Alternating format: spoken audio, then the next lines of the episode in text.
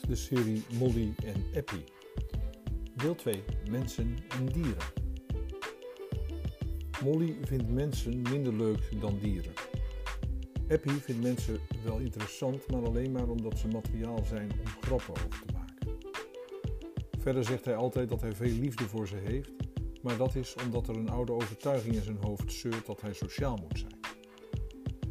Het is niet per se een leugen, hij gelooft zelf in de onzin en dan ben je onwetend en geen leugenaar. Hij denkt altijd dat het hem socialer maakt als hij zegt dat hij van mensen houdt. Ondertussen weet hij niet hoe snel hij weg moet komen als iemand uit zijn directe omgeving zorg nodig heeft.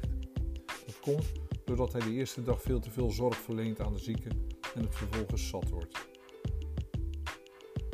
Ze hebben allebei heel erg hun best gedaan om normaal te worden. Dat betekent in West-Europa dat je zorgt dat je een huis hebt en een tuin in een woonwijk waar iedereen anoniem is, behalve als je het geluk, hebt dat je leuke buren hebt. Molly geeft aan dat ze het weekend veel heeft geslapen en vandaag leuke afspraken heeft geannuleerd, omdat ze na zo'n enerverend weekend behoefte heeft aan een dagje rust.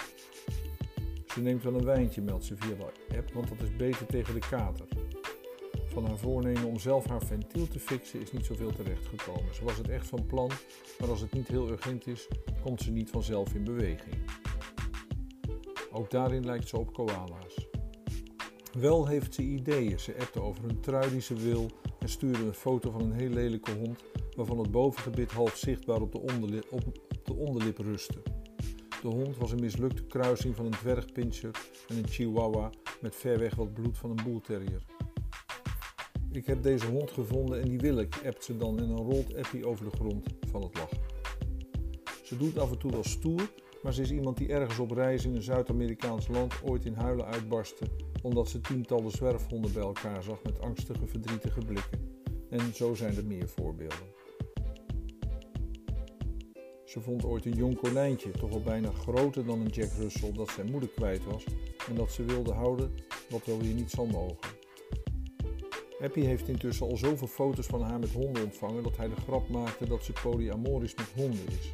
Ze appte terug dat Stravinsky dat niet mocht weten. Stravinsky was haar eigen hond. Met zoveel liefde voor honden zou je niet verwachten dat ze zich nu door Appie liet verleiden om foto's van lelijke honden naar elkaar te sturen. En dan er tussendoor bij zo ongeveer de lelijkste hond aller tijden, die wil ik te roepen. Foto's van mensen zijn er ook, zoals van Goosen, de buurjongen van Appie. De lelijkste jongen van het continent. Hij is de reïncarnatie van die elephantman. Je mag er niet mee spotten, ik weet het, maar het is echt zo. Je zou er misantroop van worden. Hij is van het type dat alleen maar vlees eet en wit brood. Laatst zette zijn moeder hem andijvie-standpunt voor en toen riep hij: Gadverdamme groente. Wat is een misantroop? vraagt Molly. Geen idee wat het is, maar ik wil het sowieso worden. Appie legt uit dat het een mensenhater is.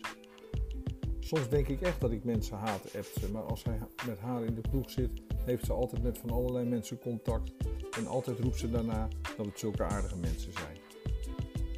Of Goosen ook een exponent van de stam van de kroketjes is, is niet zo duidelijk.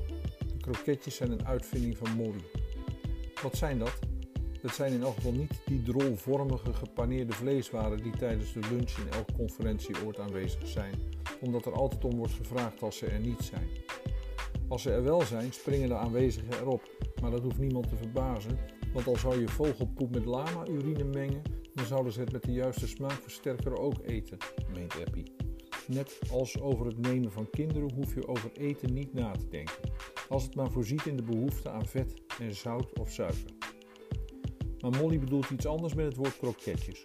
Volgens haar betreft het hier een kort geknipt onnodig aan obesitas leidend segment van de Nederlandse vrouwen. Je komt ze in alle leeftijdsklassen tegen.